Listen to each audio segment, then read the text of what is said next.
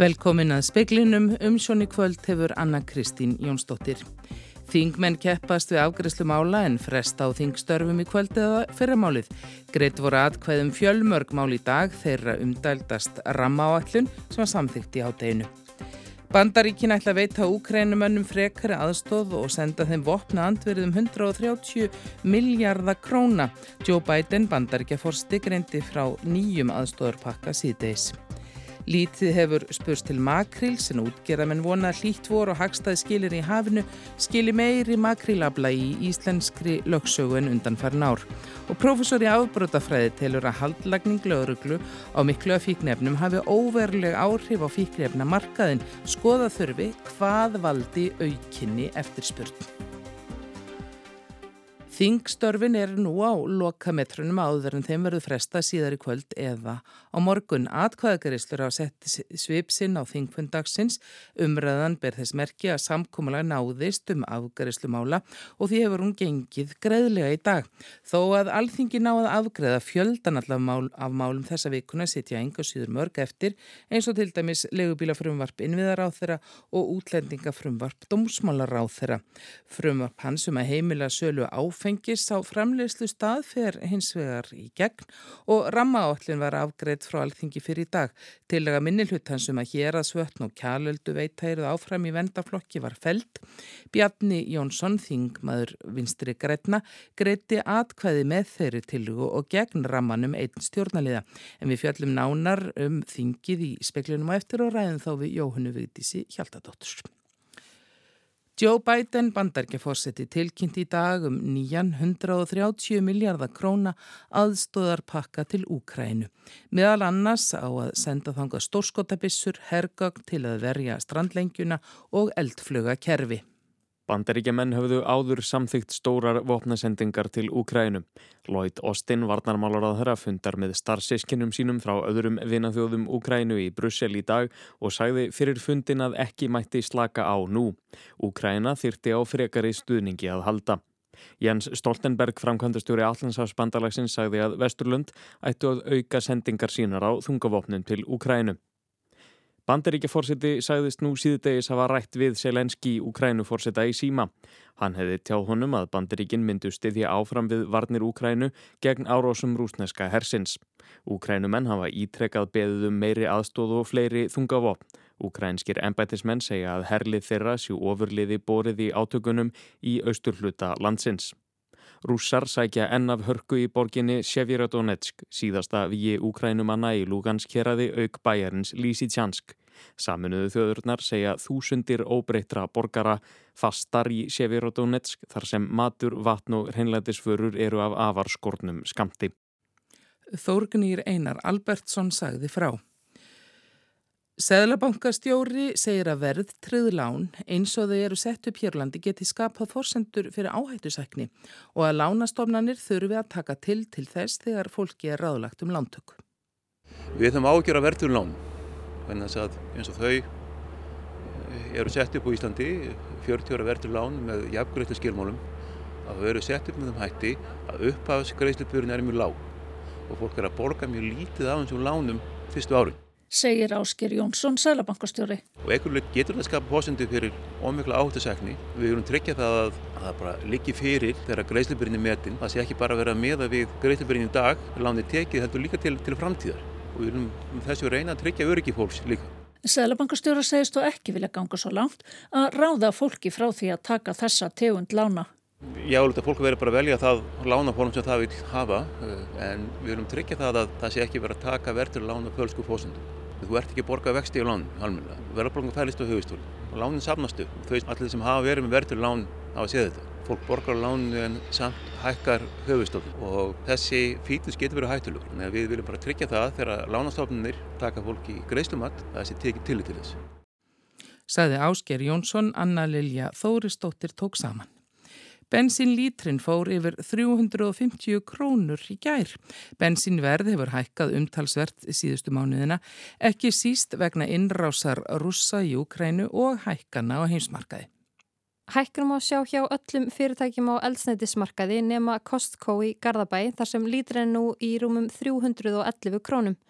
Dýrastur er drópin hjá Ólís í Hraunegum, Stikkisholmi, Akranesi og í Vestmannaegum þar sem líturinn er að tæpar 357 krónur. Runolfur Ólafsson, framkvæmdastjóri félags íslenskra bifræðægjanda, segir að Íslands stjórnvöld verða að grípa til aðgerða til dæmis með því að lækka skatta á eldsneiti. Þetta er skuggalega þróun og eitthvað sem við hefum ekki séð áður.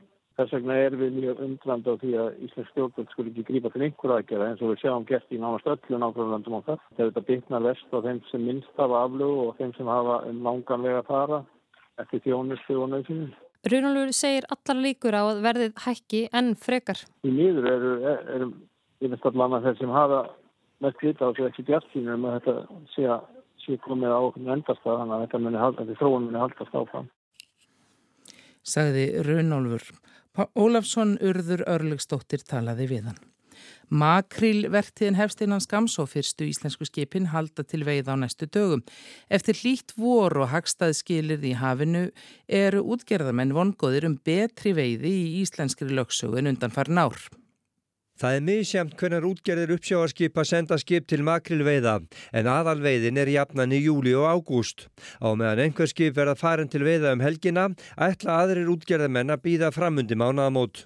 Já, núna komið svo tímið að við erum farin að hugsa til þess. Allir við stefnum ekki á að fara svona á stað fljóðlega um og eftir næstu helgi. Segir Sindri Viðarsson, sviðstjóru uppsjáa sviðs vinslustöðvarinnar í Vestmanægjum.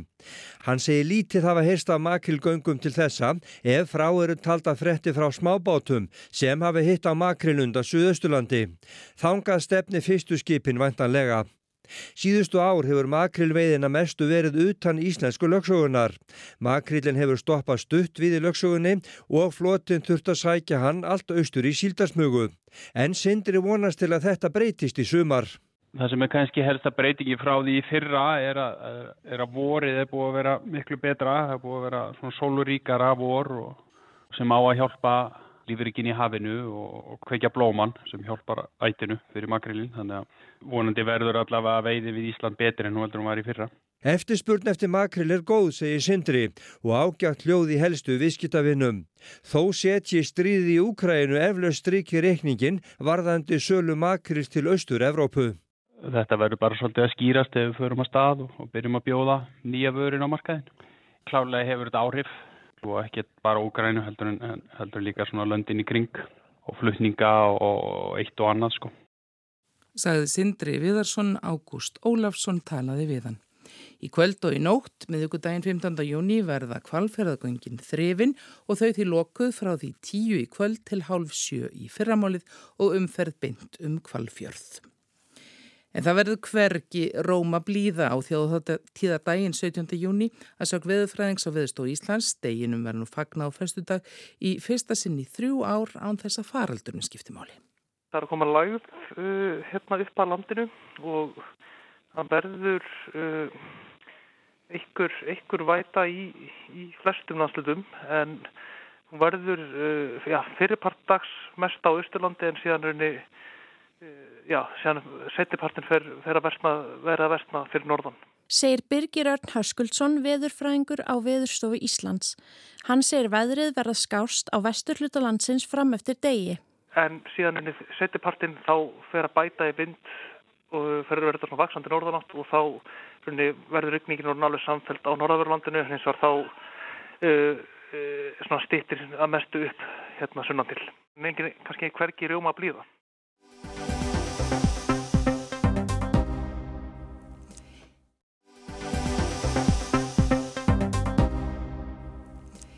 Náið þingmenn að slá botnin í sínmáli kvöld eða verður þingfundur á morgun menn hafa kefst við í dag er það ekki sagt Jóhanna Vigdís Hjaltadóttir Jú, það er alveg rétt. Hér hefur verið mikið að gera í dag eins og síðustu daga og kvöld að verið funda hér fram á kvöld alla daga. Atkvæði voru greitt um fjármála áallin í gær og um ramma áallin í dag sem fyrir fram voru í úr stærstu málinn sem byðu afgriðslu þingsins.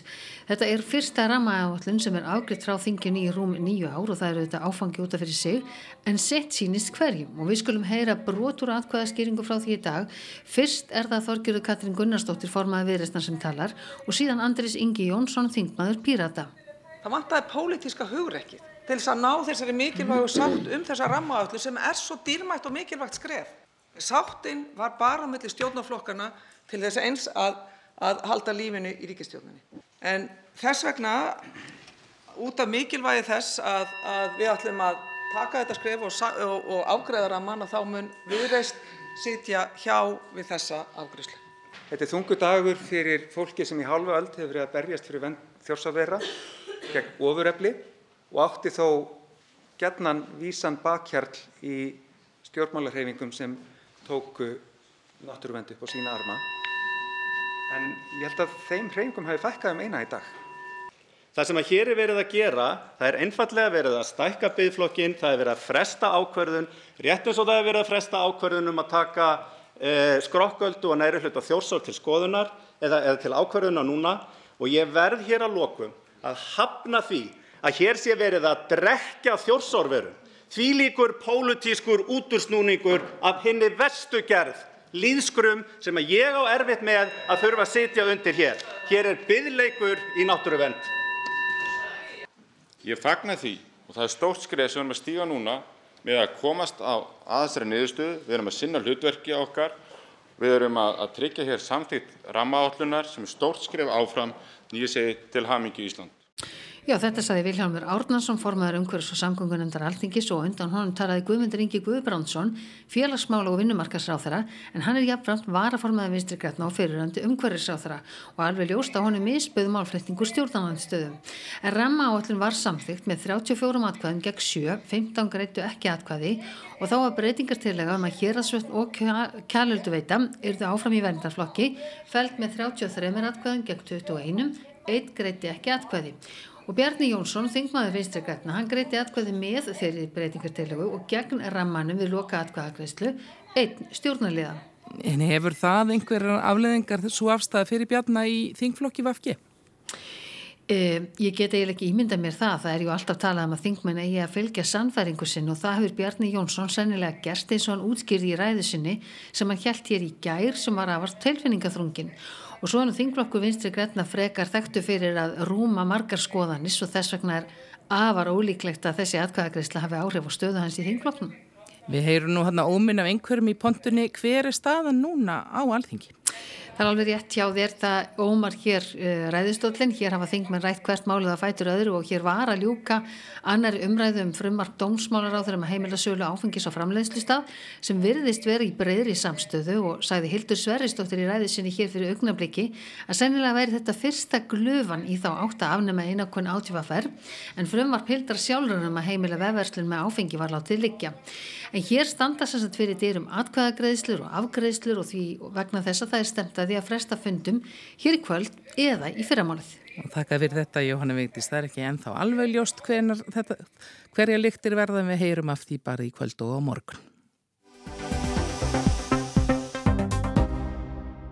Í síðustu viku bárust frettir af því að lögregla hefði lagt hald á meira fíknefnum en nokkru sinni áður. Söluverði efnana er um 1,7 miljardar króna á gödunni með tilherjandi áhrifum á fíknefnasölu og neyslu hér á landi. Eða hvað? Hvaða áhrif hefur haldlagning svo mikils maks efna á fíkni hegðun og fíkni tengda klæpi? Helgi Gunnlaugsson er profesor í afbrótafræði við Háskóla Íslands. Svona í ljósi reynslunar Erlendis og, og eiginlega einnig hér á landi þá er líklegt að haldlagning lauruglunar á þessum fíknefnum mun hafa einhver áhrif en svona í mestalagi tímabundin áhrif á markað með fíknefni. Við getum svona búist við einhverju þurða á þessu markað í stuttan tíma, hugsluna líka verðlag hækkar en svona mjög líklegt að þessi markaður muni, muni jafna sig og, og fara í svipað far og áður. Það verðist vera svo að, að eftirspurnin á þessu markaði, hún er það mikil að, að, að það er alltaf einhverju tilbúinir að hlaupa í skarðið og, og koma efnanum að markað þrátt fyrir hörðu yðurlög fyrir brota af, af, af því tægi. Helgi segir mögulegt að stærð haldlagningarinnar í þetta skiptið geti haft meiri áhrif en áður hefur sérst á íslenskum markaði. Hann setur þó fyrirvara við það. Ég tel samt að, að það sé líklegt að þessi stærð á haldlagningunni að hún sé meira í takti við stærð markaðarins. Það er að segja að þessi markaðar hefur farið vaksandi og stakkað á undanferðnum árum og, og handlagningin er þá í sjálf og sér einhvers konar endurspeglun á því. Hann segir að aðgerðin högvi þó eitthvað í frambóð fíknefnana. Horfa þurfi til þess hvað veldur þessari miklu eftirspurn.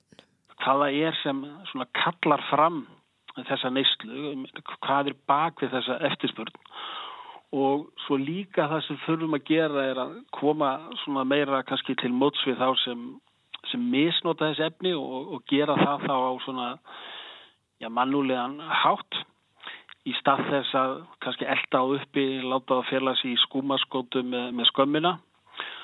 Sem betur fyrir að þá sjáum við svona ímis merki hjá okkur í samfélaginu um svona þróun af þessu tægi hér á landi að menn eru tilbúin oft áður að koma til móts við þá sem verst standa í, vegna výmöfna og gera það á, á svona mannúran hátt en ekki bara að elda og uppi til að sekta og, og haldleggja efnin og gera líf þeirra þá oft bara verra í, í kjálfarið.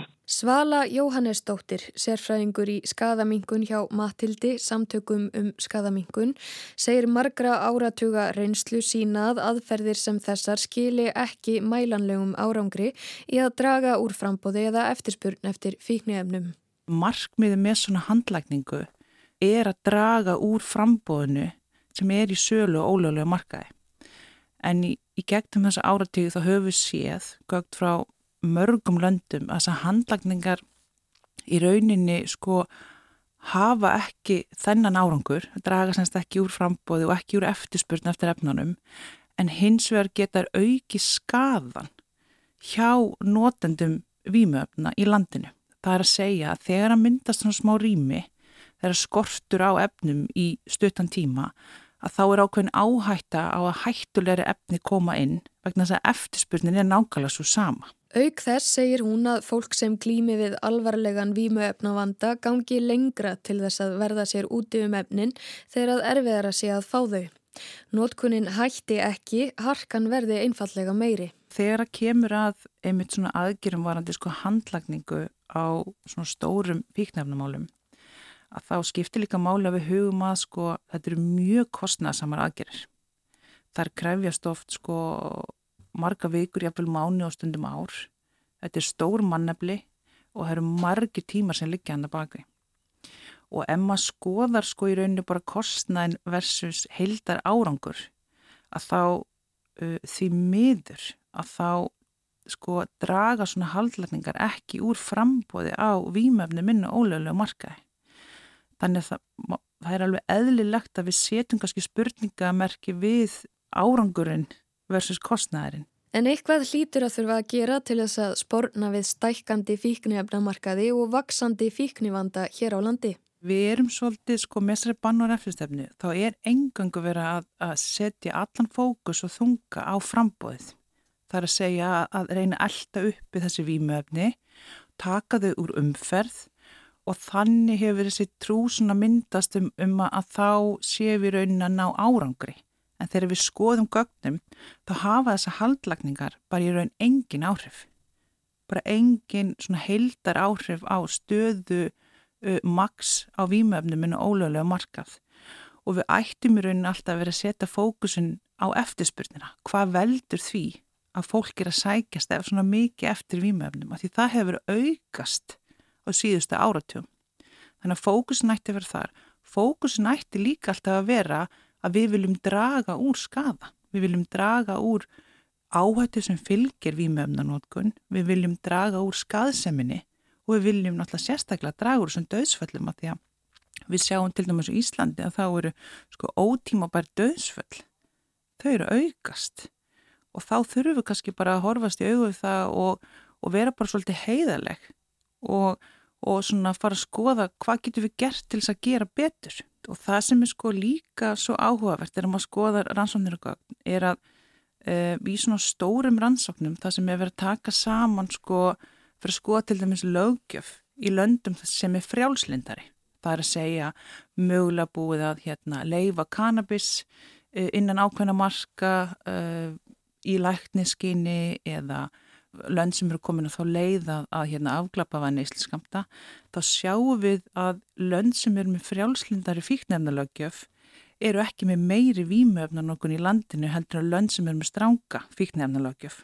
Það hvernig, hversu ströng fíknefnalögjöfin er, hún hefur ekki þau áhrif að það eru færri sem nota vímöfni í landinu.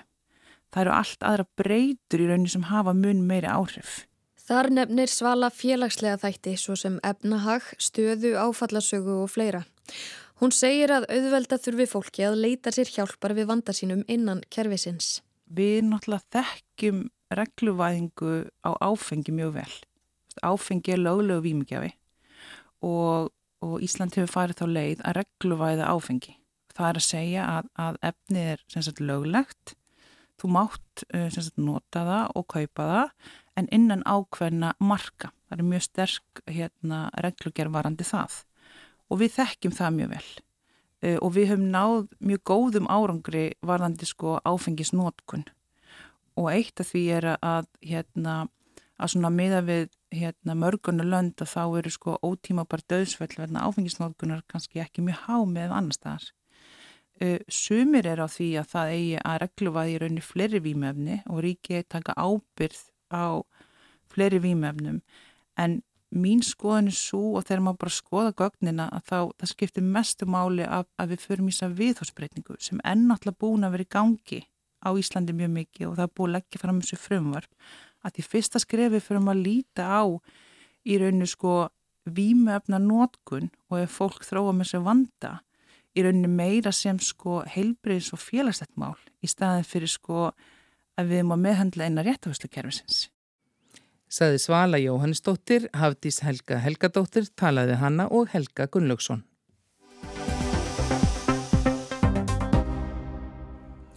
Tækniþekking og aðstæða er til að framleiða um 4.000 tonna var af eldsneiti á ári í verksmiðju Carbon Recycling International við Svartsengi á Reykjaneskaga. Verksmiðjan var reist fyrir tíu árum og vonir stóðu til þess að framleitt yrði fyrir innanlandsmarkað til blöndunar við innflutt jarð eldsneiti fyrir bíla og skip. En eftirspurn innanlands hefur ekki verið fyrir hendi.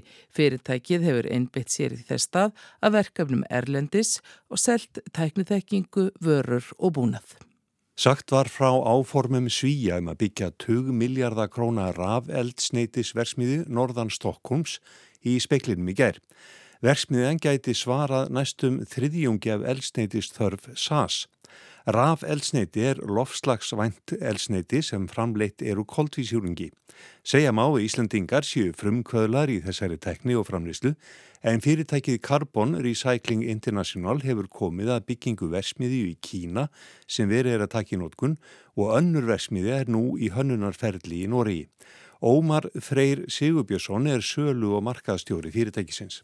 Já það má kannski segja að við hefum verið frumkvöðlar á þessu sviði og hefum tölurverða reynslu nú þegar af framleyslu á rafelsniti og í okkar tilfelli þá er það framleysla á vettni sem að síðan er nýtt til að kvarfa saman við koldvísýring til að framlega metanól sem er einn gerðað frá afelsniti og við sjáum náttúrulega fram á það að, að þessi tækni er á fullri ferð við það í kringum okkur og telum að þessi tölverð tækifæri hér innanlands en það er svona ímislegt sem þarf að gera til þess að það verða að vera.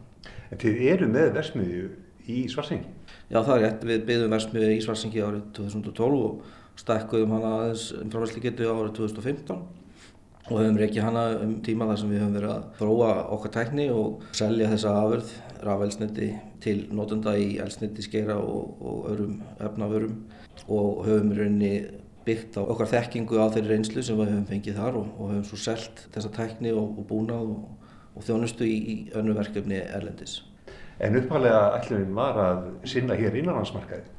Jú, það er rétt. Stærð á versmiðu og getur hennar er, var hugsuð sem svo að hún geti döga fyrir það byrju 3% af innlendri elsendistörf til íblöndunar í bensín og við höfum rauninni selt hluta þessari framherslu í, til íblöndunar í bensín en ekki á Íslandi, heldur í Breitlandi og, og Hollandi. Hvað veldur að þetta gengur ekki upp hér? Það hafa nú bara verið ákvarðanir sem hafa verið teknar og hefur að gera með hvernig elsniti eða bensín er innflutt og er blandað erlendis af byrgjum ólíufélagana og það endist bara teknilega flókið og visskitalega erfitt að láta það ganga saman. En þessi versmiða í Svarsengi, hún framleiðir umhverju svæna vörn? Já, þá við getum sínt fram á það. Við vorum fyrsta fyrirtæki til þess að fara í gegnum svona vottun á þeirri framleiðslu sem sínir fram á það. Hún getur dreigið úr losunum 90% á samanbóri við hefbundið jarðefna elsniti og það hefur gert okkur kleift að selja þessa vöru á haraverði til kaupanda í, í Európu. Þessi teknithenging sem hefur byggst upp hér á Íslandi, eru þið ennþá í fórustu? Já, já, við höldum það og sérstaklega með því að ná að byggja fyrstu stóru versmiðuna í Kína þá komum við í rauninni á næsta stig sem við, við höldum okkar fórskoti og höldum áfram okkar, okkar tæknið þróin. Við myndum auðvitað gætna að vilja sjá hlutina gerast hérna heima líka og vonandi getur það orðið en okkar fókus kannski í dag er, er fyrst og fremst á þessi verkefni sem eru erlendis. Hvað þarf til að þið getið komið ykkur í gang hér innanlands? Já, það má kannski segja að aðstæðir þurfa að vera hagfeldar. Við þurfum í þessa framleyslu þurfum við aðganga grænir áorku og koldusýningi og það er hagkvæmast að gera þetta ákveðnum skala, ákveðnum stærðar hagkvæmni sem verður til. Þannig að við myndum þurfa þá ráorku og aðgengja að útblæstri sem að helst er að finna úr jarfarmáorkuverum og, og kísilverum á Íslandi. Það er aðeins erfiðir að vinna með útblástur frá álverum þó að það sé mikið magn koldusýnings, þá er hann mun þinnri og, og erfiðir að fanga hann. Ef að allt gengi upp eins og þið orkuðu gætið þið synd öllum bílaflótar hansmanna? Já, við skulum segja svona svo að, að bílaflótin hann er náttúrulega hluta til að, að rafvæðast en það verður eftir þungaflutningar og, og fiskiskip og annars líkt og við höfum séð það að ólíunótkunni fiskiskipaflótunum er um 150.000 tónu ári og, og það væri hægt að skipta því út fyrir metanól. Það eru til staðar teknilausnir í dag sem að uppfylla þær kröfur og, og það myndi þurfa um já, rúmlega helmingin eða meira af allir losun frá jarvarma og, kísilmálmversmiðum á Íslandi í dag. Og eru stór flutningarskip komin á metanól? Já, þau eru annarkvært að koma eða á leiðinni. Það er nú þegar nokkur slík skip í, í rekstri og nýlega búið að tilkynna um pantanir á fjölda af stórum gámaskipum, stór gámaflutningsfyrirtæki eins og Mersk hafa verið í farabróti þar og svo er einn ferja sem hefur gengið á milli Gautaborgar og Kíl, farþegarferja þar sem við notum okkar metanól sem var framleitt í, í Svíþjóð til þess að knýja hana þar á milli. Þannig að þetta er nú þegar teknilust sem er, er til staðar í dag. En hvað með fiskiskipa blótan? Já, það hefur tekið lengri tíma kannski að, að vélar sem henda fyrir fiskiskipa þær kemur á markað en, en það er núna eru þessi vélarframlegendur búin að tilkynna um það. Það eru þær eru að koma á marka og, og fjöl, munum vantala að fjölga í framhaldið. Þannig að teknilega lausnir eru til staðar fyrir skip sem eru á þeirri stærð sem við þekkjum hér í innanlands. En hvað er flýið?